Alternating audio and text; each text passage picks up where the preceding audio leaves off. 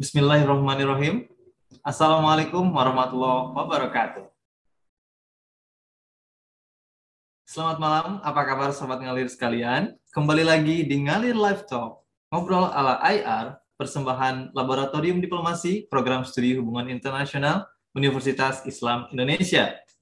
Selama satu jam ke depan, saya, Agus Direna Putra, akan menemani Sobat Ngalir untuk berbagi cerita dan inspirasi dengan tamu-tamu istimewa kita.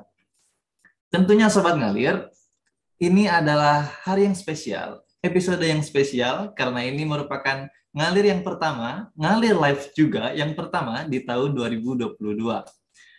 Baik, semoga sobat ngalir sekalian sehat-sehat di rumah ataupun di mana pun kalian berada. Karena saat ini ini juga episode ini cukup spesial karena kita akan menghadirkan dua pembicara yang mungkin ini ditunggu-tunggu bagi para mahasiswa hubungan internasional uh, Universitas Islam Indonesia karena kita akan menghadirkan dosen-dosen dari prodi kita. Jadi sejak tahun 2019 sudah lama tidak bertemu, uh, sudah lama tidak uh, secara langsung melihat bapak-bapak dosen kali ini. Mungkin kita langsung saja uh, sapa bapak-bapak pembicara kita kali ini. Yang pertama adalah Bapak Muhammad Rizky Utama MSI. Kita sapa terlebih dahulu. Selamat malam, Bapak Reski Muhammad Utama. Selamat malam, Assalamualaikum Agus, apa kabar? Ah, baik Bapak. Ah, apa kabar Bapak? Alhamdulillah baik. Baik, uh, posisi ke, uh, boleh kami tahu sekarang sedang di mana? Sekarang um, saya sedang uh, di Jawa Barat. Baik di Jawa Barat. Agus kebetulan. Oke. Okay.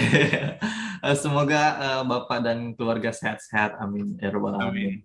Uh, Sobat Ngalir, kita akan lanjut ke pembicara yang kedua, uh, yaitu Bapak Wahyu Arif Raharjo MIR. Kita sapa terlebih dahulu. Assalamualaikum Bapak Wahyu Arif. Waalaikumsalam. Selamat malam Mas Agus. Selamat malam Bapak. Baik, apa kabarnya Bapak? Alhamdulillah. Alhamdulillah. Uh, sehat walafiat. Alhamdulillah. Semoga Bapak dan keluarga di sana sehat-sehat terus ya Pak. Baik, ya. terima kasih. Uh, Sobat Ngalir semua, ini cukup spesial karena kedua bapak-bapak pembicara ini adalah dosen hubungan internasional. Jadi siapa pun yang sangat antusias uh, ingin bertemu kali dan ingin ngobrol atau berdiskusi khususnya dengan dua dosen kita kali ini bisa menggunakan fitur live chat uh, untuk bisa bertanya mengenai materi uh, diskusi yang akan kita bahas uh, pada episode kali ini. Menariknya adalah uh, episode kali ini kita akan membahas tentang post-colonialism, rise and fall of Asia and Africa. Yang uh, tentunya setiap pembicaraan di sini akan membahas uh, kawasan yang berbeda. Bapak Muhammad Rizky Utama akan membahas mengenai Asia, dan Bapak Wahyu Arif Raharjo akan membahas mengenai Afrika. Jadi tunggu apa lagi? Sekali lagi saya ingatkan bagi sobat ngalir semuanya yang menonton YouTube channel kali ini untuk bisa ikut berdiskusi, ikut ngobrol di live chat YouTube kita kali ini. Dan tentunya jangan lupa uh, like ataupun subscribe channel YouTube HIWI. Baik, Sobat Ngalir. Uh, menarik untuk membahas mengenai bagaimana postkolonialisme atau uh, rise and fall ataupun uh, naik turunnya ataupun uh, kebangkitan ataupun penurunan dari Asia, kawasan Asia dan juga kawasan Afrika. Kita akan membahas dalam konteks kawasan terlebih dahulu. Uh, dan yang tentunya kita akan lebih dalam membahas mengenai uh, negara-negaranya.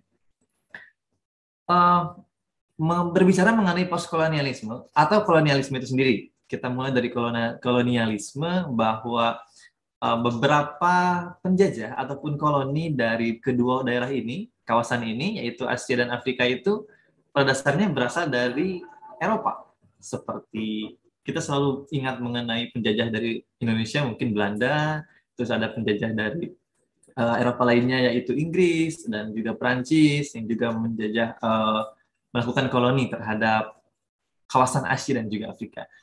Um, menariknya adalah um, bahwa negara-negara ini pada dasarnya mulai bangkit, mulai ada, mulai muncul menunjukkan taring-taringnya itu ketika pasca adanya uh, revolusi Prancis atau mungkin sangat identik dengan uh, adanya apa uh, masa-masanya kebangkitan di Eropa pada waktu itu. Dan saat itu juga di mana dogma-dogma Kristen ataupun dogma-dogma agama uh, mulai mulai secara tidak tidak langsung di, di, dihapuskan uh, karena adanya sistem baru uh, dari mulai negara-negara agama ini seperti kerajaan-kerajaan agama seperti Turki Utsmani dan juga uh, kerajaan lainnya mulai uh, runtuh dan menciptakan sistem-sistem uh, negara yang baru.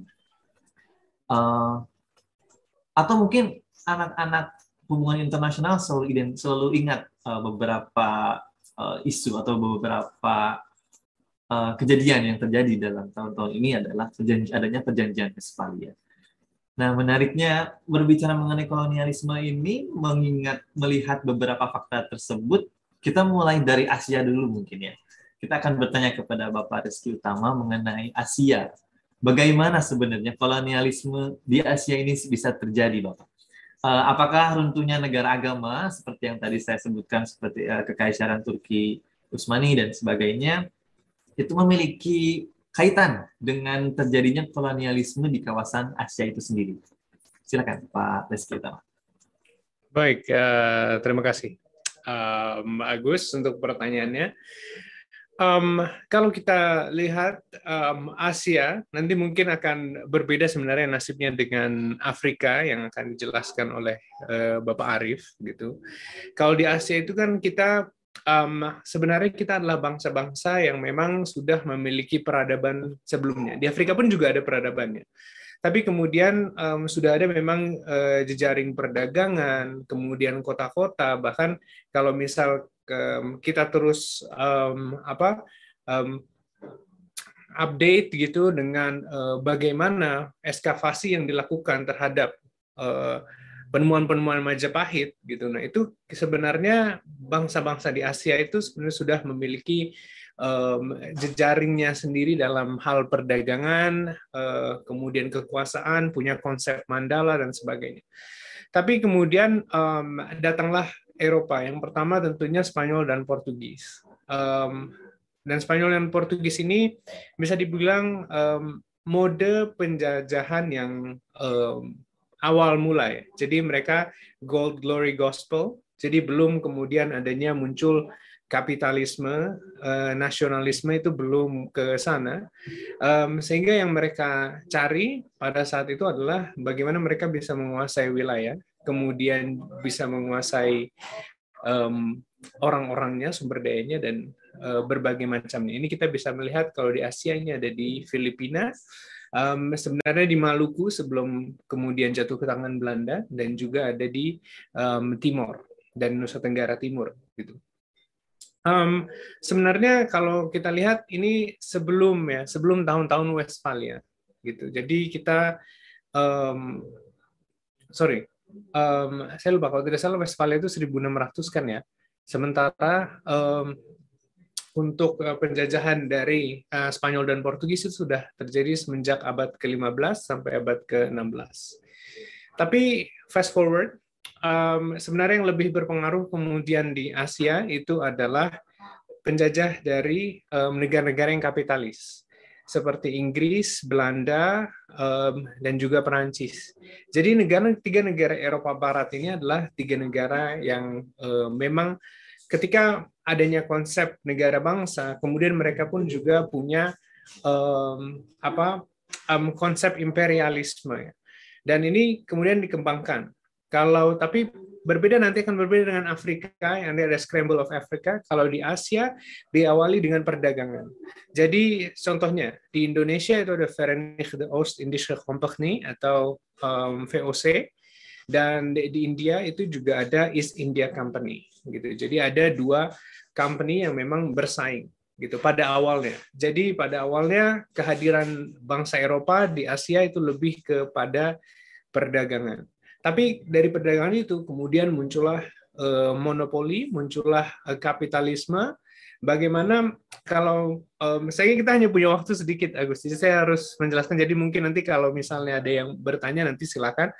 Jadi contohnya saya ambil satu contoh, misalnya VOC, kapal dagang VOC itu dari Hindia Belanda, yang yang berikutnya akan disebut sebagai Hindia Belanda, um, ke sampai ke Belanda itu cuma butuh satu surat. Jadi dia datang dari satu pos perdagangan di Hindia Belanda menuju ke Belanda, melewati pos-pos perdagangan Belanda yang tersebar dari Asia, Afrika sampai ke Eropa itu hanya butuh satu surat. Jadi adanya integrasi, semacam integrasi sehingga ya kapal ini hanya berpindah dari pos-pos perdagangan Belanda. Begitu juga dengan Inggris. Tapi um, kita bisa melihat nanti ada perbedaan. Kita contoh di Indonesia, um, di Indonesia itu di dalam uh, proses penjajahannya VOC bangkrut dan kemudian diambil alih oleh um, negara Belanda dan akhirnya kita menjadi Hindia Belanda. Dan di sini mungkin kita baru merasakan uh, apa perbedaan dengan Spanyol ya. Ketika Spanyol dia menjajah Filipina, dia mengubah, mencoba untuk mengubah kebudayaan yang ada di Filipina, mencoba untuk menjadikan mereka itu bagian dari kultur Spanyol yang lebih besar, gitu. Jadi maka intermarriage is very common in the Philippines. Tapi um, sementara di Indonesia itu tidak seperti itu, gitu. Karena yang dicari oleh Belanda di dalam VOC itu adalah mencari keuntungan. Dan ketika itu sampai ke Hindia Belanda, tetap yang terjadi adalah Belanda memang mencari keuntungan gitu dan itu tidak uh, kemudian banyak uh, berpengaruh pada masyarakat asli Indonesia atau bumi putra atau biasa disebut dengan pribumi. Nah, um, sampai akhirnya muncul politik politik etis dan pergerakan. Nah, sebenarnya kalau di India kita melihat perkembangannya dari EIC tadi, kemudian bagaimana pemerintah Inggris itu mencoba untuk um, membuat uh, delegasi kekuasaan. Jadi di kalau misalnya kita melihat uh, peta besar dari um, India Inggris, India yang dikuasai Inggris, itu ada bagian-bagian um, yang memang directly berada di bawah kekuasaan UK, um, sorry, berada di kekuasaan Britania Raya, dan ada wilayah-wilayah yang disebut dengan princely states atau um, bisa disebut dengan negara-negara yang um, terwakilkan. Jadi it's still part of British India, tapi ada kekuasaan kecil yang menguasai wilayah tersebut. Dan itu akhirnya berlanjut sampai um, India merdeka. Dan begitu juga kalau misal kita melihat bagaimana um, Jepang, kita tahu Jepang adalah negara Asia, tetapi di dalam konteks kolonialisme, Jepang itu kemudian mengadopsi bentuk kolonialisme Eropa dan mereka mulai menguasai uh, wilayah seperti Korea dan Taiwan nanti Eh, dan di sini orang-orang Korea itu dipaksa untuk berasimilasi menjadi orang Jepang. Begitu juga dengan orang uh, Taiwan. Dan tentunya ada uh, konsekuensi ekonomi. Jadi uh, kalau bisa saya simpulkan kehadiran orang Eropa di Asia itu secara umum ada uh, berawal dari perdagangan. Dari perdagangan yang utamanya ya berawal dari perdagangan sampai akhirnya penguasaan um, wilayah berada di satu pemerintahan yang um, apa kalau uh, India itu ada, disebut biasa disebut dengan British Raj. Kalau di Indonesia biasa disebut dengan Netherlands India atau Hindia Belanda. Um, juga ada Indochine Francais atau French Indochina. Itu um, bagaimana perkembangannya dari perdagangan kemudian menjadi satu bentuk penjajahan yang motif utamanya itu sebenarnya adalah perekonomian. Jadi mereka mengambil uh, mengambil uh, sumber daya dari uh, wilayah-wilayah jajahan mereka. Gitu. Jadi berbeda dengan um, konsep kolonialisme awal seperti yang Spanyol dia mencoba untuk transfer penduduknya, kemudian Eh, mengubah struktur sosial segala macam, tapi itu tidak terjadi di eh, negara-negara yang dijajah oleh Inggris, Belanda, Perancis di Asia. Baik, terima kasih uh, Bapak Muhammad Rizky Utama atas jawabannya.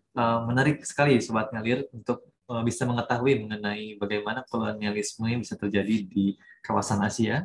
Kalau boleh saya sedikit simpulkan bahwa kolonialisme yang ada di Asia ini cukup berbeda dengan konsep kolonialisme yang awal bahwa uh, Eropa khususnya negara-negara yang menjajah uh, Indonesia ini memiliki dasar ekonomi yaitu melakukan perdagangan terlebih dahulu mencoba untuk memanfaatkan sumber daya sumber daya yang ada di Indonesia dan pada akhirnya uh, mencoba untuk menjajah daerah tersebut sehingga sumber daya yang didapatkan itu bisa lebih uh, bisa terus didapatkan oleh uh, para koloni dari negara-negara yang menjajah. Baik, uh, menarik sobat ngalir, uh, tentu saja tidak hanya Asia yang menarik di sini. Kita juga akan mengeksplor lebih dalam mengenai bagaimana kolonialisme terjadi di Afrika. Dan uh, seperti yang tadi saya bilang, apakah sebenarnya runtuhnya negara agama tadi bisa ada kaitannya dengan uh, kolonialisme kolonialisme ini di dunia khususnya di kawasan Afrika. Mari kita tanyakan kepada Bapak Wahyu Arif Sarharjo. Silakan Bapak. Thank you Mas Agus. Um, kolonialisme di sambungkan dengan sistem negara bangsa yang muncul setelah uh, dengan Westphalia dan runtuhnya sistem negara uh, negara agama. Um, saya pikir emang semacam ini semacam apa ya takdir mungkin ya. Bagaimana dulu dunia yang di uh, apa namanya ditata oleh oleh negara-negara yang menghubungkan diri dengan ketuhanan membenarkan kekuasaan politik mereka dengan ke, ke, ketuhanan, kemudian ditampar oleh orang-orang yang pernah mereka tipu dengan uh, sistem negara yang mereka benarkan, mereka justifikasi dengan agama itu sendiri. Betul, Mas. Kolonialisme merupakan satu bentuk, satu cabang dari uh, runtuhnya negara agama dan munculnya negara bangsa. Karena dengan runtuhnya negara bang, negara agama, Turki Utsmani ya, kemudian Papal State, Holy Roman Empire termasuk Perancis dan banyak negara-negara yang lainnya, itu mereka ditampar oleh satu gagasan yang namanya Renaissance. Tadi ya sudah disebutkan ya, bahwa uh, lu tuh coba ngolok-ngolok kita sebagai rakyat gitu. Itu kan yang pada dasarnya diupayakan oleh uh, mohon maaf kalau agak berisik ya uh, ada azan uh, apa uh, di serbunya penjara Bastille di Prancis itu menyadarkan orang-orang bahwa heh lo lo yang ada di di di istana di Versailles itu memanfaatkan kami dengan agama gitu. Nah, tapi justru dari situ orang-orang yang tadinya sadar bahwa mereka diperalat itu punya kesempatan untuk menyadari akal mereka yang kemudian menuju ke modernisasi yang kemudian mengarah ke revolusi industri dan tuntutan dari revolusi industri itulah yang menyebabkan adanya kolonialisme termasuk di antaranya di Afrika. Jadi yes, runtuhnya negara agama itu memunculkan sistem negara bangsa di di Eropa sistem negara bangsa memunculkan kebanggaan orang-orang Eropa terhadap negara mereka sendiri, termasuk keinginan untuk makmur terlepas dari uh, uh, apa namanya kungkungan agama dan membuat bangsa-bangsa yang terbentuk itu menginginkan kemakmuran yang tidak mereka dapatkan ketika dengan sistem negara agama. Tapi yang berbeda adalah kemudian hal ini memunculkan rasa uh, ini lanjut ya Mas dengan bagaimana kemudian terjadinya kolonialisme di Afrika. Kalau tadi di Mas Utama bilang bahwa kalau di Asia itu berawal dengan perdagangan, kalau di di Afrika berakar dari mentalitas inferior yang terbentuk dari perdagangan budak yang targetnya adalah orang-orang Afrika. Di sisi lain, orang-orang Eropa adalah orang-orang dengan mentalitas yang luar biasa bangga dengan gagasan bahwa eh, apa namanya kalau tadi gold glory gospel itu di di Asia betul di zaman-zaman itu mereka setelah Renaissance dan apa segala macam muncul muncul satu istilah yang namanya burden bahwa dunia itu penuh dengan kegelapan gitu. yang itu yang mendorong orang-orang kulit putih menganggap bahwa dengan pembenaran dengan pembenaran rasisme scientific rasisme saintifik itu gagasan bahwa ada urut-urutan tingkatan-tingkatan uh, kecerdasan orang berdasarkan rasnya. Itu dikemukakan oleh Blumenbach dan itu pada dasarnya yang menjadi dasar dari kenapa orang-orang orang Eropa merasa bahwa mereka harus menyelamatkan dunia gitu. Nah, salah satu gagasannya itu lewat tadi Gold Glory Gospel, Christianity, Commerce, and saya lupa C-nya satu apa lagi. Kalau di Afrika, Gold Glory Gospel itu diubah istilahnya jadi sesuatu yang lain. nah, sementara itu, uh, jadi awal awalnya kalau di Afrika tuh ya satu mentalitas inferior orang Afrika dihadapkan dengan mentalitas superiornya orang uh, orang Amerika, orang Eropa, sorry. Nah, dalam posisi yang seperti itu, uh, oh, mentalitas inferior itu tadi karena mereka selalu diperdagangkan dan tidak dimanusiakan, jadi terbentuk gagasan seperti itu. Sementara orang-orang Afrika, kerajaan-kerajaan di Afrika, Songhai, Ghana, uh, Aksum, Zimbabwe dan kawan-kawan selalu secara terus-menerus me, apa ya, memperbudak, menjual orang-orangnya sendiri dan melakukan praktek-praktek mencari budak. Jadi sistem itu sudah terbentuk dulu, diperparah dengan kedatangan orang-orang Eropa yang memanfaatkan situasi seperti itu.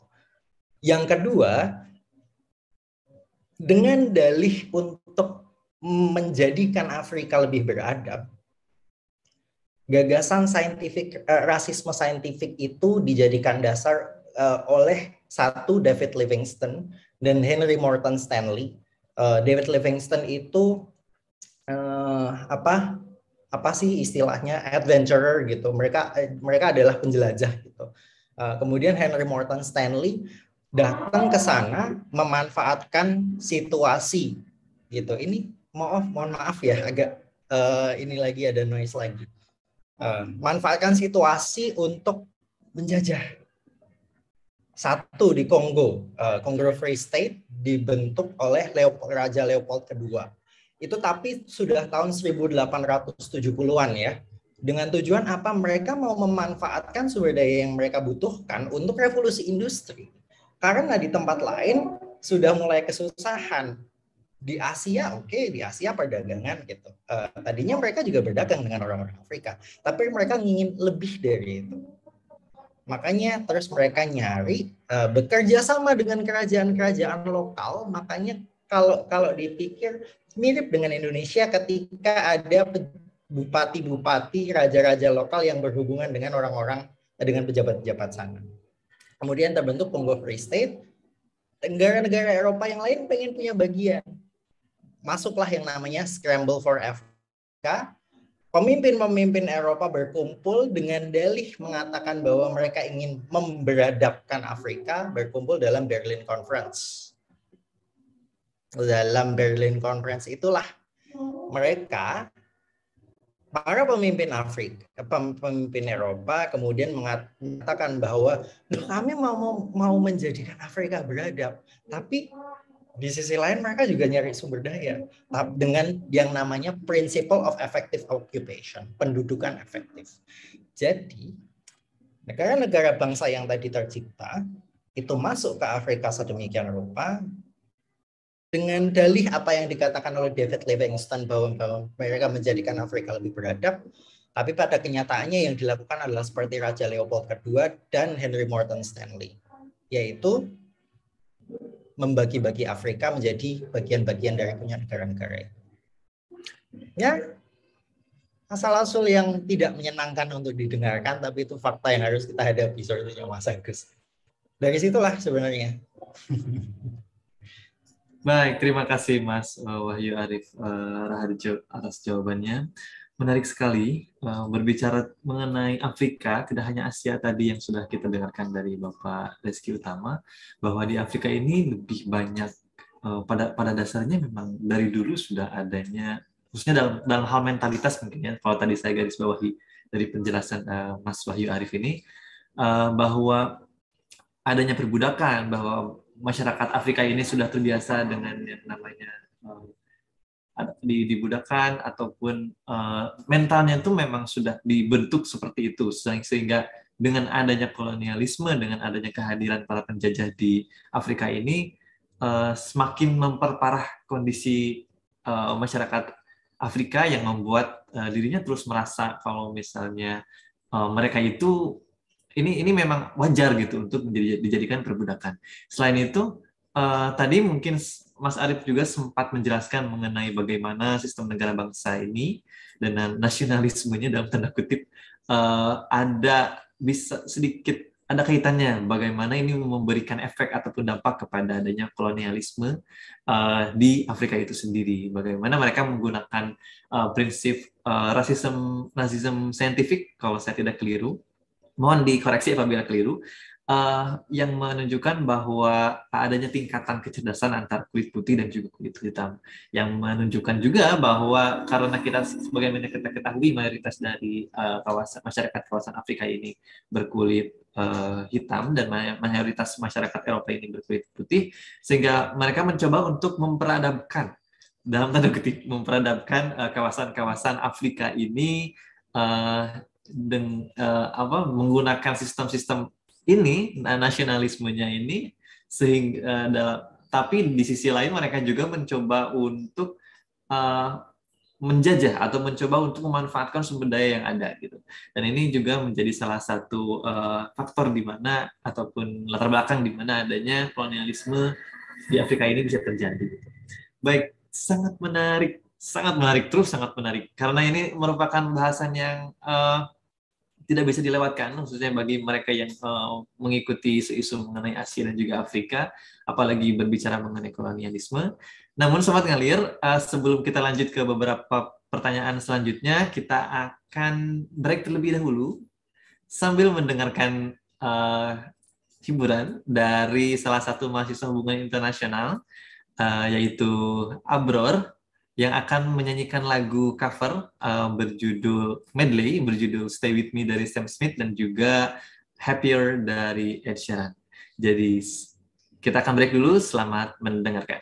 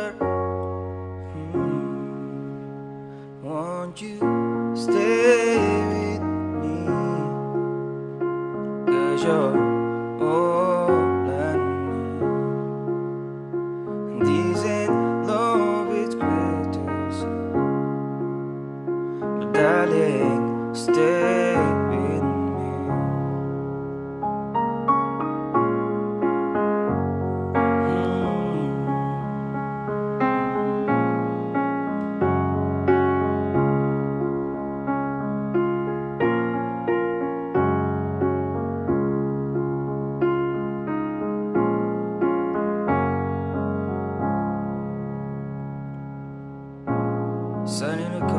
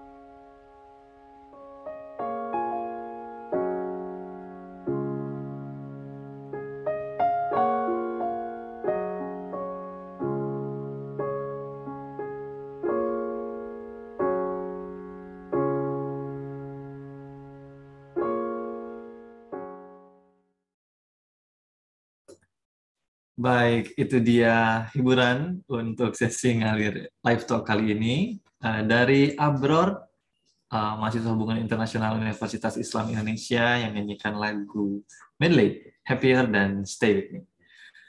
Baik, Sobat Ngalir, kita akan lanjutkan diskusi uh, menarik kita kali ini. Tadi kita sudah membahas mengenai bagaimana sistem negara bangsa itu mempengaruhi ataupun ada kaitannya dengan kolonialisme yang terjadi di Afrika. Sekarang kita akan pindah ke Asia dan kita akan berdiskusi kembali dengan uh, Bapak uh, Reski Utama mengenai apa sebenarnya makna kehadiran sistem negara bangsa dan nasionalismenya dalam tanda kutip uh, bagi koloni maupun wilayah kawasan Asia yang terjajah, Bapak.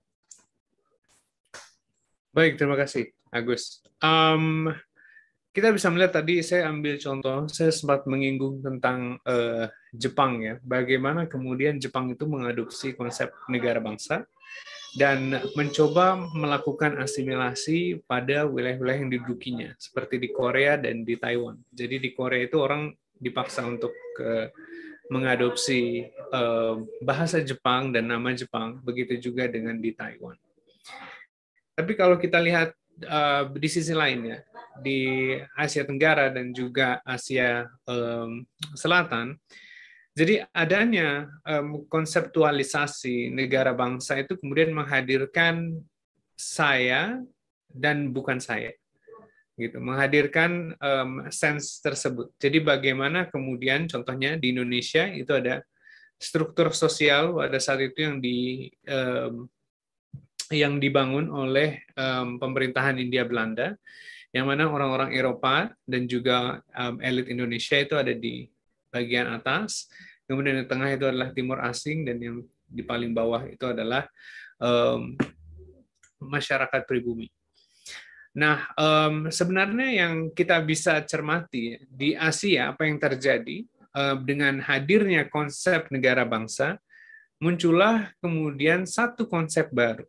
Kalau misal kita melihat di Eropa, contohnya, di Eropa itu um, setelah Westphalia, revolusi Prancis, kita melihat bagaimana adanya um, satu konsep negara bangsa yang mana satu bangsa itu harus memiliki satu negara. Jadi satu negara itu adalah untuk satu bangsa.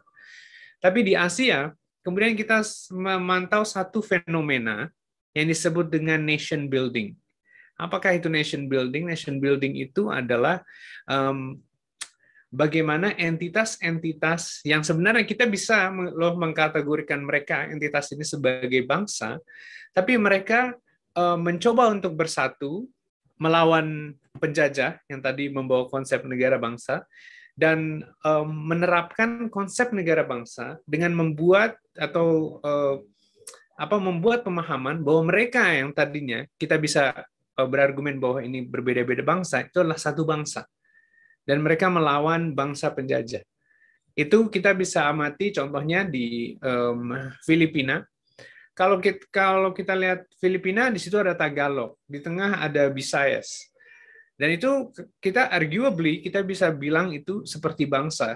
Contohnya ya mungkin seperti Spanyol dan Portugis. They're not really that different. Tetapi kemudian um, karena there are armies and stuffs, jadi akhirnya ada rasa bahwa oh they are different. This is Spain and this is Portugal. Nah, begitu juga dengan um, yang terjadi di Asia. Saya ambil tiga contoh. Yang pertama itu yang di Filipina. Oke, okay, konsep uh, sebentar nation building ini dikemukakan oleh um, Karl Wolfgang Deutsch dan William Falt. Tadi Mas Arief mencatut nama, saya merasa saya harus mencatut nama juga. Oke, okay, um, jadi um, konsep nation building ini, uh, konsep nation uh, building ini adalah orang-orang yang kita bisa bilang, contoh orang Jawa dengan orang Sumatera, orang uh, orang Batak misalnya, mereka secara theoretically they're different nation. Mereka punya budaya yang berbeda, bahasa yang berbeda. Mereka punya kemudian um, apa um, tata cara keagamaan berbeda. Itulah yang kemudian kita bisa melihat. There are two different identities. Ada identitas yang berbeda. Tapi kemudian muncullah pergerakan nasional Indonesia bahwa kita menentang penjajah, kita menganggap bahwa kita yang terjajah ini adalah satu bangsa sebagai bangsa Indonesia. Itu tertuang dalam Sumpah Pemuda tahun 1928. Dan um, di sini akhirnya muncullah konsep negara bangsa baru, yang mana bangsa itu adalah suatu yang dibuat, dibangun oleh orang-orang, um, gitu. Jadi bukannya Contoh kan di Eropa ada, oke okay, kita adalah Jerman dan kita adalah bangsa Jerman. Karena mereka share cultural, linguistic itu mereka berbagi. Um, tetapi kalau di Asia itu tidak.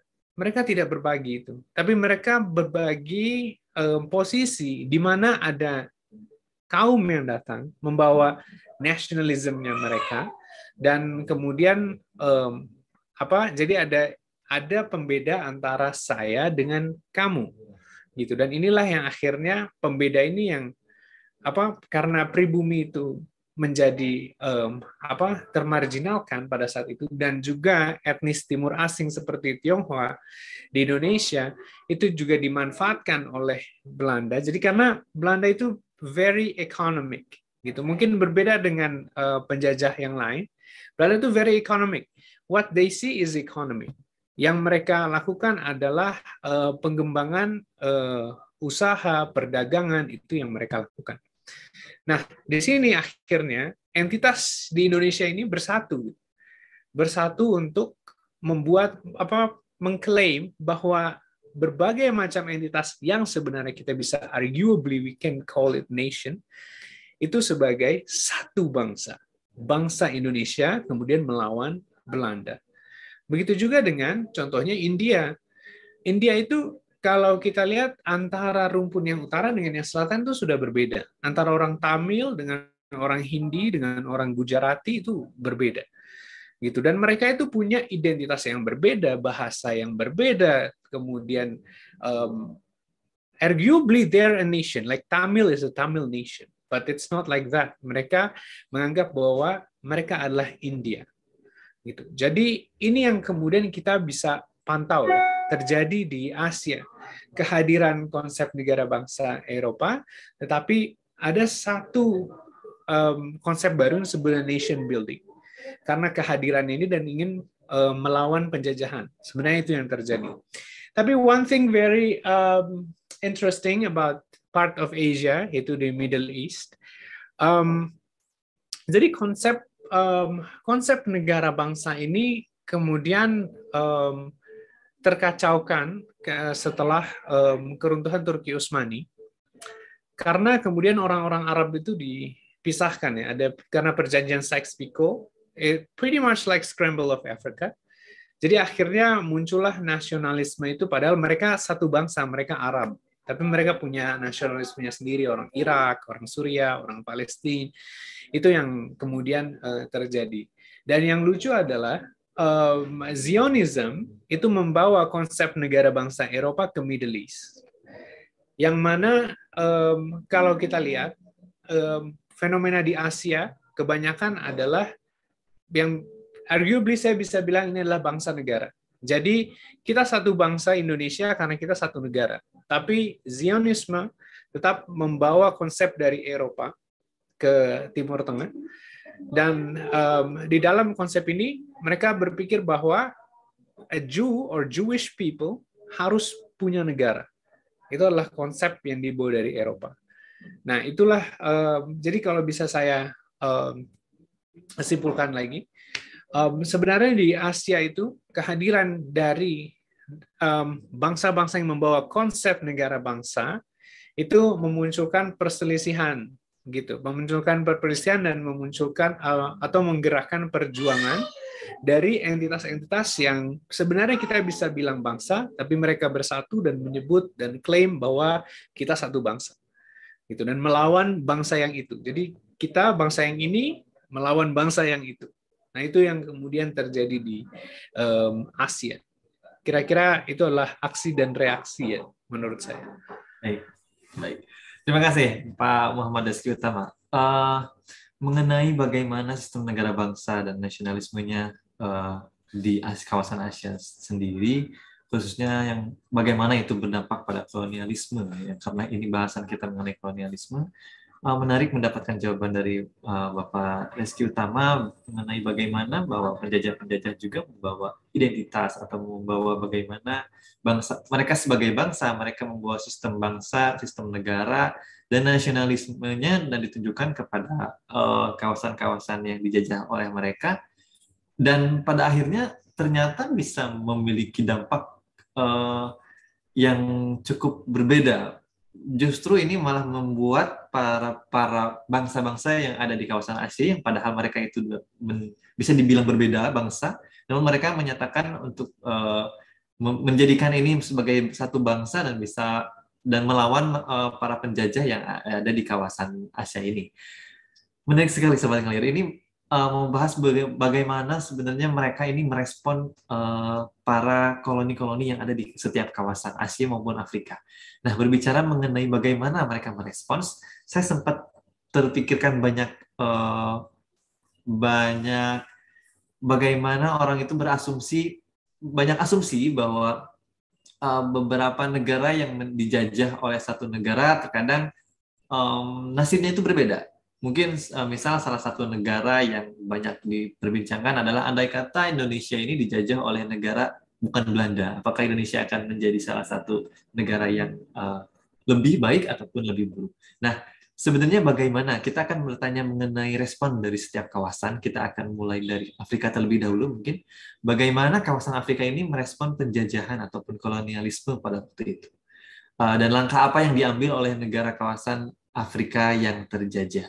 Jadi mungkin uh, ada yang sebenarnya mereka itu karena pada dasarnya mungkin kalau saya boleh sedikit uh, ini tadi meng-highlight ataupun uh, beberapa kata-kata yang disampaikan oleh Mas Arief mengenai mentalitas uh, respon dari kawasan Afrika mungkin saja karena mentalnya itu seperti sudah terbiasa untuk uh, apa diperbudak jadinya mereka dikatakan uh, pada akhirnya sampai sekarang walaupun terjajah belum bisa uh, dalam tanda kutip makmur untuk negaranya. Nah, bagaimana uh, menurut Mas Arief uh, mengenai hal ini, Mas? Hmm. Jadi sebelum saya jawab ke respon negara negara-negara Afrika atau masyarakat Afrika karena waktu itu belum ada negara, hmm. uh, seperti apa dalam menghadapi kolonialisme itu ya kita perlu paham dulu konteks Afrika sebelum dijajah. Pertama, mereka adalah uh, berbasis kesukuan. Uh, berbasis kesukuan, uh, jadi entitas politik di Afrika itu sangat jauh berbeda dengan yang di Eropa, yaitu mereka berbasis kesukuan dengan keberagaman yang jauh luar biasa lebih kaya daripada uh, daripada Eropa. Jadi sistem negara bangsa itu itu sendiri kalau memang dipaksakan dan sekarang dipaksakan itu pertama-tama akan menghancurkan dulu tatanan masyarakat Afrika. Makanya uh, karena pada dasarnya yang terjadi di Afrika atau sistem sistem alami yang ada di Afrika itu sistem radial di mana ada satu titik pusat pemerintahan dan tidak ada tidak ada perbatasan. Makanya kalau di Afrika kita kenal ada masyarakat nomaden karena mereka bisa bergerak dari satu tempat ke tempat yang lain dengan bebas dan itu mereka jadi semacam uh, satu entitas politik yang sama kuatnya dengan kerajaan-kerajaan tadi. Nah, itu, itu perlu dicatat sebelum kita melihat ke respon. Nah, kemudian konteks lain yang perlu dipahami adalah kehancuran mentalitas itu diperparah dengan kehadiran uh, para penjajah Eropa pada waktu itu. Kenapa? Karena yang dilakukan oleh masyarakat Eropa adalah memecah belah setiap kali karena memang banyak ada suku banyak sekali bayangin di Nigeria aja ada 700 gitu. Uh, itu itu mereka ada Hausa, ada Ibu Yoruba dan kawan-kawan, mereka saling dikenalkan satu sama lain, uh, tapi ingat yang terjadi adalah mereka berusaha untuk mengumpulkan budak dulu awalnya, kemudian mereka berupaya untuk sedekat mungkin dengan dengan penjajah sehingga mereka bisa memanfaatkan kekuasaan yang dimiliki penjajah. Di sisi lain seperti itu. Nah, penjajah sendiri memanfaatkan perbedaan-perbedaan yang ada tersebut untuk memecah belah mereka sehingga yang di dalam uh, sehingga masyarakat-masyarakat tersebut tersibukkan dengan yang namanya konflik identitas di antara mereka sendiri uh, sementara masyarakat eh sementara penjajah Eropa menggunakan satu kelompok untuk dijadikan alat menjajah Dan tatanan yang seperti itu terjadi dari 1860-an ketika terjadi scramble for Africa bahkan sebelumnya sampai ketika kemudian terjadi dekolonisasi. Nah, apa sebenarnya yang kemudian menampar orang-orang Afrika untuk bangun bahwa heh ini loh benua muti diobrak-abrik sama orang-orang yang berasal tidak berasal dari tempatmu sendiri dan kamu punya hak untuk menentukan nasib sendiri pemahaman untuk menentukan nasib sendiri itu berasal dari Perang Dunia Pertama dan Perang Dunia Kedua ketika ada eh, orang-orang dari bangsa Afrika, beberapa bangsa-bangsa, orang-orang dari Afrika yang dilibatkan dalam Perang Dunia. Ketika mereka masuk ke dalam Perang Dunia, termasuk di antaranya adalah Kwame Nkrumah, uh, Sekotore, ada uh, Nelson Mandela juga sempat meskipun dia tidak terlibat dalam militer, kemudian ada Julius Nyerere, mereka adalah tokoh-tokoh yang kemudian membentuk gagasan self-determination untuk orang-orang Afrika. Nah, mereka adalah orang-orang yang ikut perang bareng sama uh, Kwame Nkrumah pada waktu itu ikut perang bareng sama Inggris. Karena dia dari Gold Coast kan dari uh, dari Ghana sekarang Ghana dia berangkat bareng sama Inggris untuk perang melawan Jerman. Kemudian pada waktu itu dia dikenalkan dengan gagasan-gagasan kemerdekaan yang kemudian yang kemudian dibawa oleh Kwame Nkrumah dalam berbagai konferensi-konferensi Pan Afrika. Itu awal-awalnya. Jadi justru para penjajah sendiri yang memaksa orang-orang Afrika untuk terlibat dalam perang dunia yang mengenalkan dan membuka diri mereka terhadap gagasan kemerdekaan begitu. Kwame Nkrumah itu tadi uh, kemudian dari Amerika Serikat lucunya lucunya uh, kalau di Afrika keinginan negara-negara tersebut untuk mereka respon untuk membangkitkan rasa nasionalisme nasionalisme itu tidak berasal dari suku-suku yang ada di dalamnya tapi orang-orang yang sudah terpapar oleh gagasan-gagasan Eropa. Setelah mereka entah itu ikut militer atau sekolah di luar eh, di negara yang penjajahnya itu tadi.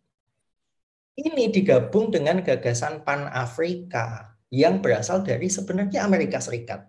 W.E.B. Du Bois. Kalau teman-teman kenal dengan pergerakan kulit hitam Amerika Serikat, uh, eh, W.E.B. Du Bois itu salah satu tokoh luar biasa. Kalau teman-teman kenal dengan Martin Luther King, Malcolm X, mereka adalah tokoh-tokoh Pan-Afrika. Yang justru pergerakan awalnya itu dari Amerika Serikat. Baru mereka berkumpul dengan para pemikir lain, termasuk uh, Leopold Senghor uh, dari Senegal yang waktu itu sekolah di Perancis, ketemu sama Kwame Nkrumah yang sekolah di Inggris, mereka bikin konferensi di Manchester Pan African Congress yang kelima yang pada waktu itu menyatakan bahwa eh negara-negara Afrika bangunlah. Uh, jadi responnya seperti apa? Awalnya lambat kalau dari dalam sendiri. Meskipun ada barulah kemudian muncul dari titik Pan African Congress ini orang-orang yang berpengaruh, misalnya Jomo Kenyatta. Dia balik ke Kenya, membentuk uh, bertemu dengan berbagai kelompok. Ingat Kenya itu terdiri bukan cuma dari satu kelompok masyarakat saja, bukan dari satu suku saja, tapi ada banyak sekali. Uh, dan dan dan susahnya tadi saya nyambung ke apa yang dikatakan oleh Mas Uta nation building di Afrika itu luar biasa susah. Bahkan yang namanya penjajahan, penjajahan itu tidak sepenuhnya efektif karena ada suku-suku yang tidak terjangkau. Nah, para penggerak kemerdekaan itu harus menjangkau suku-suku yang tadinya tidak terjangkau karena mereka sadar bahwa mereka harus membentuk kekuatan sebesar ini. Termasuk baru kemudian dibikin mau-mau rebellion uh, tahun 1950-an uh, oleh Jomo Kenyatta. Di tempat lain ada Kwame Nkrumah. Dia bikin uh, United Revolution di Ghana. Kemudian Julius Nyerere dibantu sama Rusia yang waktu itu eh, agak-agak ke kiri-kirian ya komunis pada waktu itu. Itu mereka dia juga bikin hal yang serupa. Uh, Leopold Senghor juga begitu. Uh, uh, Ben Bella di Aljazair perang kemerdekaan gitu. Jadi kalau mau mengatakan respon awal, responnya terhadap apa? Terhadap kolonialisme jujur saja mereka lambat. Karena gagasan mengenai nasionalisme itu berasal dari luar, bukan berasal dari Afrika. Dan sangat tidak mengherankan kenapa negara-negara Afrika sangat tertatih-tatih ketika mereka melakukan nation building. Karena eh, pertama legitimasi dari entitas politik, sorry, legitimasi dari pemerintahan yang terbentuk itu harus diupayakan sedemikian rupa karena ada masyarakat-masyarakat primitif yang tidak kenal dengan yang namanya negara itu apa. Karena tatanan tradisional mereka bukan negara, tapi entitas yang itu tadi ada satu pusat, kemudian seperti vassal state seperti Vassal State di Cina, di Majapahit pada waktu itu kan juga seperti itu. Tapi uh, tidak mengenal batas, tidak mengenal perbatasan begitu. Artinya kalau satu unit kalau satu unit pedesaan ini milik dari uh, kerajaan ini ya udah desa itu gitu. Tidak mengenal perbatasan wilayahnya. Dan itu adalah sebuah sistem yang jauh berbeda. Makanya tidak mengirankan ketika dilakukan nation building oleh tadi ya eh, ada Jomo Kenyatta sistem yang sama eh, adaptasi dari adaptasi dari upaya membentuk negara eh, yang lebih baik menata negara administrasi pemerintahan yang lebih baik di Tanzania adalah dengan cara meng, mengakomodir sifat alami itu dengan cara melakukan pemerintahan berbasis desa tapi sekali lagi itu juga gagal gitu. Makanya saya uh, makanya saya uh, apa namanya uh, yang yang yang ingin saya katakan itu adalah bahwa sistem nas, negara bangsa nasionalisme itu pada dasarnya sangat tidak cocok sama Afrika. Kenapa mereka tertatih-tatih sampai sekarang uh, mau maju aja susah? Karena mereka ber, beradaptasi terhadap sistem yang mereka tidak kenal. Gitu. Kalau kata orang tak kenal maka tak sayang, loh belum kenal juga gimana mau sayang gitu. Itu yang terjadi di Afrika. Kalau mereka nggak sayang, gimana caranya mau maju, mau berprogres bersama? Simpelnya seperti itu. itu yang terjadi di Afrika Baik. pada Baik, terima kasih Mas Arif Wahyura Harjo uh, mengenai bagaimana sebenarnya kawasan Afrika ini merespons uh, adanya kolonialisme ataupun adanya penjajahan di kawasan Afrika itu sendiri. Yang kalau boleh saya highlight beberapa hal, tadi saya melihat bahwa memang uh, seperti yang Mas Arief katakan sebelumnya bahwa memang pada dasarnya uh, karena ketidak uh, kenalan atau ketidaktahuan apa mengenai sistem-sistem yang ada ataupun sistem-sistem yang diberikan oleh para penjajah sehingga um, agak sedikit lambat gitu, sedikit lambat untuk bisa berprogres atau merespon adanya kolonialisme ini. Dan namun di sisi lain ada beberapa hal yang juga melatar belakangi bagaimana adanya lambatnya progres yang dilakukan oleh uh, kawasan Afrika, yaitu salah satunya adalah beberapa suku yang sulit dijangkau uh, dan ini membuat uh, sulitnya pengetahuan ini ter, ter terdistribusi secara rata kepada para suku-suku yang ada di Afrika, khususnya suku-suku yang sulit dijangkau. Lalu ada sebenarnya ada juga beberapa aktivis-aktivis yang berawal dari Amerika seperti Martin Luther King yang juga mereka salah satu pan Afrika lalu uh, Malcolm X yang juga sebenarnya bisa menjadi salah satu penggerak atau ingin membebaskan diri dari adanya penjajahan uh, di kawasan Afrika itu sendiri ataupun me me melawan beberapa stigma-stigma yang bisa dalam tanda kutip mendiskriminasi atau menjajah kawasan Afrika. Baik, uh, setelah berbicara mengenai Afrika, tentunya kita juga penasaran mengenai Asia itu sendiri. Bagaimana sebenarnya kawasan Asia ini merespon penjajahan, Mas Uta?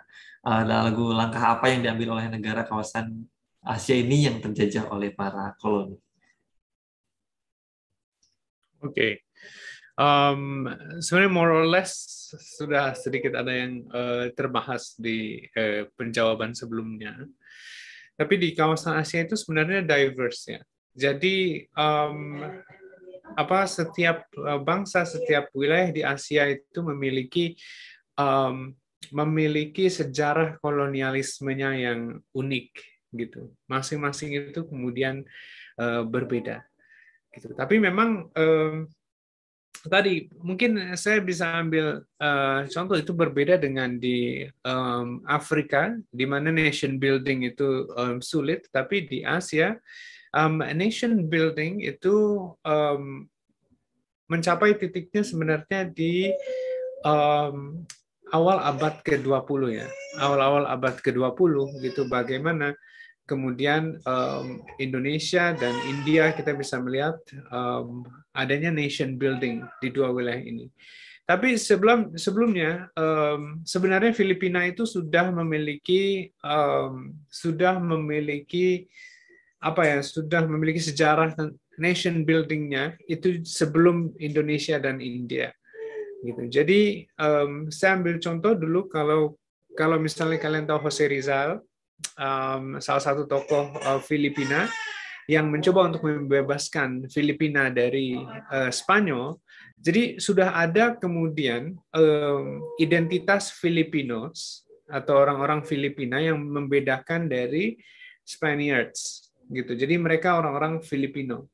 Tapi pada masa itu ketika Filipina pertama kali merdeka dari Spanyol, um, mereka tetap menggunakan bahasa Spanyol gitu karena memang um, tadi berbeda dengan Indonesia contohnya bagaimana Indonesia ini Belanda lebih fokus kepada perekonomian perekonomiannya tidak mengubah struktur sosial sementara Spanyol itu dulu mencoba untuk mengubah struktur sosial menjadikan uh, masyarakat yang Katolik dan sebagainya sehingga akhirnya um, mau tidak mau Filipina itu menjadi perluasan dari kebudayaan Amerika Latin di Asia gitu. Yang sini karena sempat berada di bawah Meksiko. Sehingga pada awalnya oke okay, ada nation building tapi they still speak Spanish because um, karena mereka tetap um, seperti berada di um, apa hanya sebagai uh, perluasan ya, bukan perluasan ya. Um, and not enlargement, expansion ekspansi dari kebudayaan Amerika Latin. Tetapi ketika uh, kita melihat berikutnya, um, Spanyol sebenarnya harus memberikan wilayah-wilayahnya kepada Amerika Serikat dan akhirnya Filipina jatuh ke Amerika Serikat. Di sinilah kemudian mulai adanya harus ada uh, bahasa nasional yang menjadi disebut dengan Filipino dan itu adalah bahasa Tagalog yang diambil. Um, jadi perjalanan negara-negara itu unik di um, kawasan um, Asia dengan uh, proses nation buildingnya atau juga dengan um, proses um, contohnya ketika Jepang um, menggunakan nation state yang dipakai oleh Eropa kemudian mencoba untuk melakukan asimilasi orang-orang Korea. Saya mohon maaf jika ada suara bayi menangis. Nah, yang dilakukan oleh uh, bangsa Korea adalah biar mereka mencoba untuk kemudian melawan Jepang gitu melawan Jepang dengan cara ya mereka tidak mau namanya itu harus dibaca secara Jepang gitu nah ini um, apa uh, di Asia sendiri itu berbeda atau mungkin kita bisa melihat bagaimana di um, pendudukan um, setelah Sykes-Picot setelah Turki Utsmani runtuh, kemudian akhirnya uh, wilayah kan dibagi ya Syam itu dibagi utara untuk Perancis, selatannya untuk um, Inggris. Kita bisa melihat um, ada ada kontrak bukan kontraknya, ada kemudian perjanjian-perjanjian yang dilakukan oleh Inggris, contohnya dengan kekuasaan Hashimiyah yang memberikan wilayah Yordania, atau kemudian dengan uh, apa atau um, Prancis pada saat itu memisahkan antara Suriah dengan Lebanon yang Lebanon itu lebih diperuntukkan untuk orang-orang Kristen begitu. Jadi itu ada ada um, apa wilayah Asia di bagian barat mungkin masih um, bentuk bentuknya itu seperti kolonialisme Afrika tapi wilayah selatan Tenggara itu punya um, apa punya karakteristik nation building dan setiap negara itu uh, khusus ya, berbeda antara satu negara dengan yang lain. Baik, terima kasih Mas uh, Reski Utama atas jawabannya.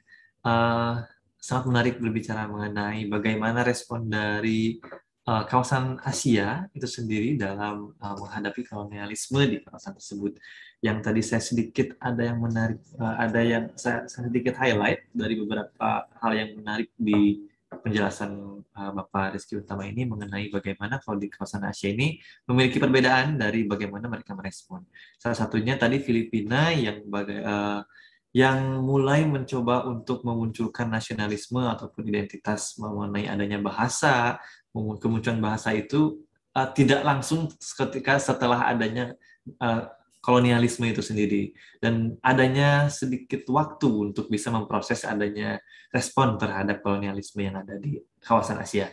Baik, uh, saya cepat terima kasih kepada kedua pembicara karena nampaknya kita akan langsung uh, ke sesi tanya jawab. Uh, namun ini akan ada dua pertanyaan, salah satu untuk satu untuk uh, Mas Uta dan satu untuk Mas Wahyu Arif yang uh, saya izin untuk bisa menjawab sekitar 2 sampai 3 menit.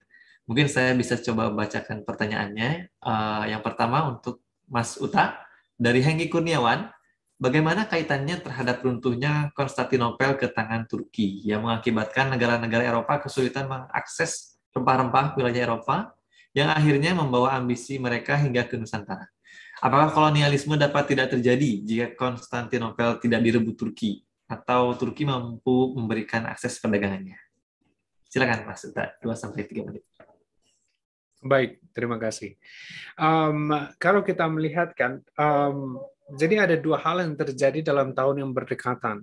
Yang pertama itu ada Reconquista, itu di Spanyol, bagaimana um, sebenarnya proses reconquista itu sudah terjadi bertahun-tahun. Tapi memang klimaksnya itu berdekatan dengan kejatuhan Konstantinopel. Jadi kejatuhan Emirat Granada dan kejatuhan Konstantinopel itu berdekatan tahunnya. Dan pada saat itu pula um, apa memang um, kita tidak bisa kemudian 100% menyatakan bahwa karena runtuh jatuhnya Konstantinopel ke Turki Utsmani, akhirnya perdagangan rempah itu tidak uh, tertutup bagi Eropa. Gitu. Jadi itu tidak bisa 100% ke sana. Meskipun itu ada sumbangsinya. Karena kita bisa melihat di sisi lain ya, ada perkembangan navigasi. Jadi bagaimana kemudian dari dunia Islam, jadi teknologi teknologi dunia Islam pada saat itu itu kemudian mulai diadopsi oleh Spanyol dan Portugal dan uh, termasuk uh, teknologi navigasi. Dan banyak orang-orang yang kemudian pergi menjelajah ke wilayah Amerika contohnya untuk mencari rempah itu berasal dari Andalus. Yang um, there is still probability bahwa mereka itu apakah mereka dulunya adalah uh, Mosarabe. Mosarabe itu adalah orang-orang um, asli Iberia tapi terarabkan gitu dan mereka um, ketika rekong Wista ya mereka tetap menjadi Katolik karena mereka aslinya adalah Katolik gitu. Um, kemudian uh, tetapi uh, mereka mengadopsi banyak um, ilmu dari um, ilmu dari um, dunia Islam dan yang akhirnya ketika melakukan uh, Spanyol melakukan ekspansi ke benua Amerika yang uh, terjadi adalah um, banyak orang-orang yang menetap ke Amerika itu berasal dari Andalus gitu. Jadi itu ada yang uh, apa kita bis, tidak bisa kemudian 100% menyatakan bahwa uh, itu dari kejatuhan Konstantinopel. Tapi memang ada uh, sumbangsinya, sumbangsi di mana um, kemudian perdagangan jalur rempah seperti Kemenyan ya contohnya, yang um, kalau mungkin kalian pernah nonton judulnya Frankincense Trail itu cukup menarik untuk dilihat. Jadi ya kalau misalnya ketika Konstantinopel jatuh, ya akhirnya perdagangan rempah ke Eropa um, itu um, memang berkurang gitu. Karena um, rempah itu menjadi monopolinya Turki Utsmani karena itu berasal dari wilayah um, Asia. Yang mana contoh, Kesultanan Aceh saja itu pada uh, dulunya itu kan punya hubungan yang baik dengan Turki Utsmani dan um, tapi kita tidak bisa kemudian 100% bilang kejatuhan Konstantinopel. bahwa ada sumbangsi dari reconquista, ada sumbangsi dari revolusi industri, ada sumbangsi dari um, kemudian konseptualisasi negara bangsa gitu. Jadi ada kemudian banyak faktor yang uh, menyebabkan kolonialisme Eropa itu terjadi. Kemudian um, yang kedua pertanyaannya, um, jadi munculnya nasionalisme di wilayah Turki Utsmani. Di sini kan um, pertanyaannya apa namanya tentang uh, sebentar ya saya lihat oke okay. nah um, sebenarnya saya tadi melihat ada uh, pertanyaan sebelumnya um, bahwa ada um, nasionalisme di dalam uh, Turki Utsmani jadi konsep negara bangsa ini kemudian sempat diadopsi oleh Turki Utsmani jadi ada yang disebut dengan Utsmani muda yang mana pergerakannya adalah mengubah um, apa jadi ini Turki Utsmani itu sudah mulai um, merasa dirinya adalah European ya. Dan akhirnya tulisan Arab diganti dengan tulisan Latin dan um, memaksa orang-orang yang berada di bawahnya itu untuk menggunakan uh, bahasa Turki. Nah itu yang uh, terjadi dan akhirnya muncul pemberontakan-pemberontakan di wilayah Turki Utsmani itu sendiri. Hmm. Gitu. Jadi ketika uh, kita melihat penjajahan Eropa dan bagaimana kemudian ada kebalikannya kan wilayah-wilayah Turki Utsmani dikuasai oleh Eropa tapi ada beberapa hal ya saya beri contoh contohnya eh, Mesir Mesir itu dia sebenarnya sudah memiliki otonomi dari tahun 1861 itu ketika eh, memang ada beberapa konflik dengan sultannya jadi Mesir itu kan ada kerajaannya sendiri. Jadi sultan itu konsep empire itu kan dia ada satu sultan di atas, di bawahnya itu ada raja-raja kecil. Nah, di Mesir itu ada. Jadi dia sudah um, quite independent. Jadi ketika di um, dikuasai oleh Britania Raya, ya Egypt is still independent. Gitu. Maksudnya pengelolaannya. Cuma dia berada di bawah Britania Raya. Um, jadi um, saya balik lagi kesimpulannya.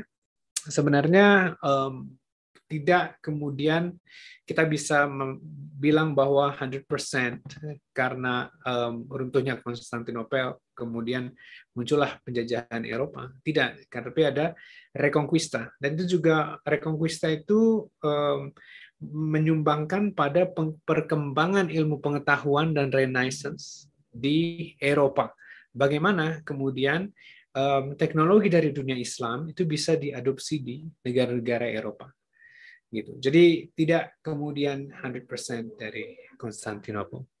Baik, terima kasih uh, Mas uh, Reski Utama atas jawabannya. Uh, semoga dapat menjawab pertanyaan dari uh, Mas Hengki, Mas Hengki Kurniawan. Uh, baik, kita akan lanjut ke pertanyaan selanjutnya, yaitu pertanyaan untuk Mas Arief dari Fatih Rapsol. Uh, bagaimana kehidupan negara Afrika ketika terlepas dari kolonialisme negara Eropa? Apakah pengaruh kolonialisme setelah kemerdekaan masih sangat kuat dalam bidang ekonomi, politik, dan sosial budaya? Silakan, Mas Arief, uh, 2 sampai 3 menit. Um, ya, uh, apakah kuat? Ya, masih sangat kuat.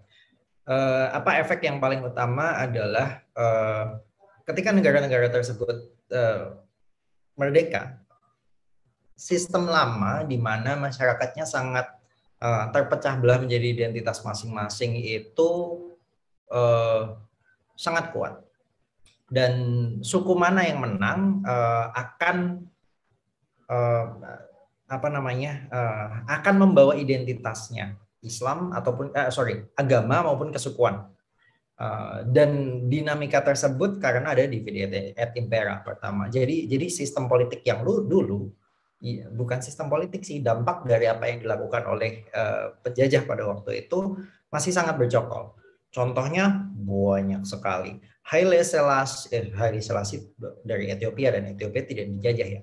François Bozize, eh, Central African Republic, uh, kemudian Omar al-Bashir, Sudan, kemudian ada uh, Olusegun Obasanjo, ada Charles, ada ada Robert Mugabe, ada Mobutu Sese Seko, ada Julius Nyerere yang juga lama. Para pemimpin-pemimpin Afrika itu bercokol sebegitu lama uh, karena uh, mereka apa ya politiknya masih sangat pragmatis maka padahal di Indonesia juga politiknya pragmatis nih makanya kita perlu hati-hati. Uh, anyway itu yang terjadi di sana. Dan ketika uh, dan dengan hal, hal yang semacam itu yang terjadi karena yang dibawa adalah identitas kesukuan dan keagamaan maka ada diskriminasi terhadap masyarakat. Masyarakat yang bukan berasal dari identitas dan suku tersebut. Uh, kemudian jadi uh, penyatuan uh, integri, integrasi nasionalnya itu susah begitu awal merdeka. Uh, sementara mentalitas untuk menjadi penguasa uh, dengan memanfaatkan sumber daya ekonomi uh, dengan cara apa pun uh, dan pemahaman mereka terhadap pemerintahan itu seperti apa juga masih sangat kurang karena tidak sesuai dengan gagasan sistem politik yang ada di Afrika. Makanya ada banyak kalau dikatakan korupsi dan kawan-kawan yaitu ber, itu berasal dari Afrika tapi juga berat, bukan bukan hanya berasal dari Afrika gitu.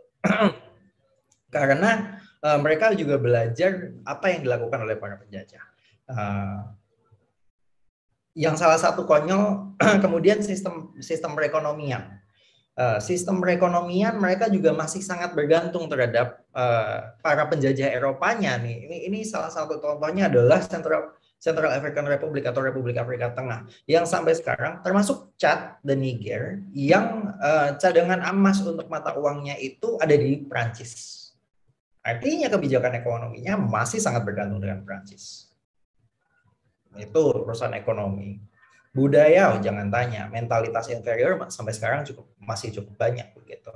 Termasuk di antaranya dari sisi budaya adalah bagaimana orang-orang Afrika tidak ber, tidak berani mengeluarkan gagasan uh, apa yang mereka anggap sebagai ini ini sederhana tapi contoh ya apa yang mereka anggap sebagai cantik. Bahwa di di Afrika kalau teman-teman ketemu dengan orang-orang Afrika beneran mereka akan bilang bahwa loh yang cantik itu yang besar kalau nggak besar nggak cantik. Kenapa mereka bisa bilang gitu? Karena karena uh, karena gagasan mengenai uh, tubuh yang besar itu mencerminkan uh, kemakmuran dan kemakmuran itu sesuatu yang menarik.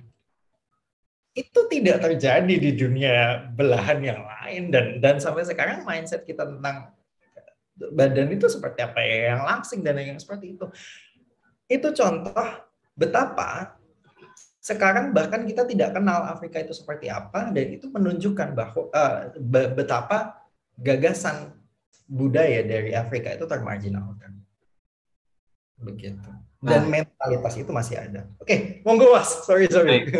Terima kasih Mas Arif. Eh, nampaknya tidak cukup untuk mendiskusikan ini uh, uh, secara lebih mendetail karena nampaknya butuh beberapa SKS untuk bisa lebih uh, banyak membahas eksplorasi mengenai kawasan Asia dan juga Afrika ini.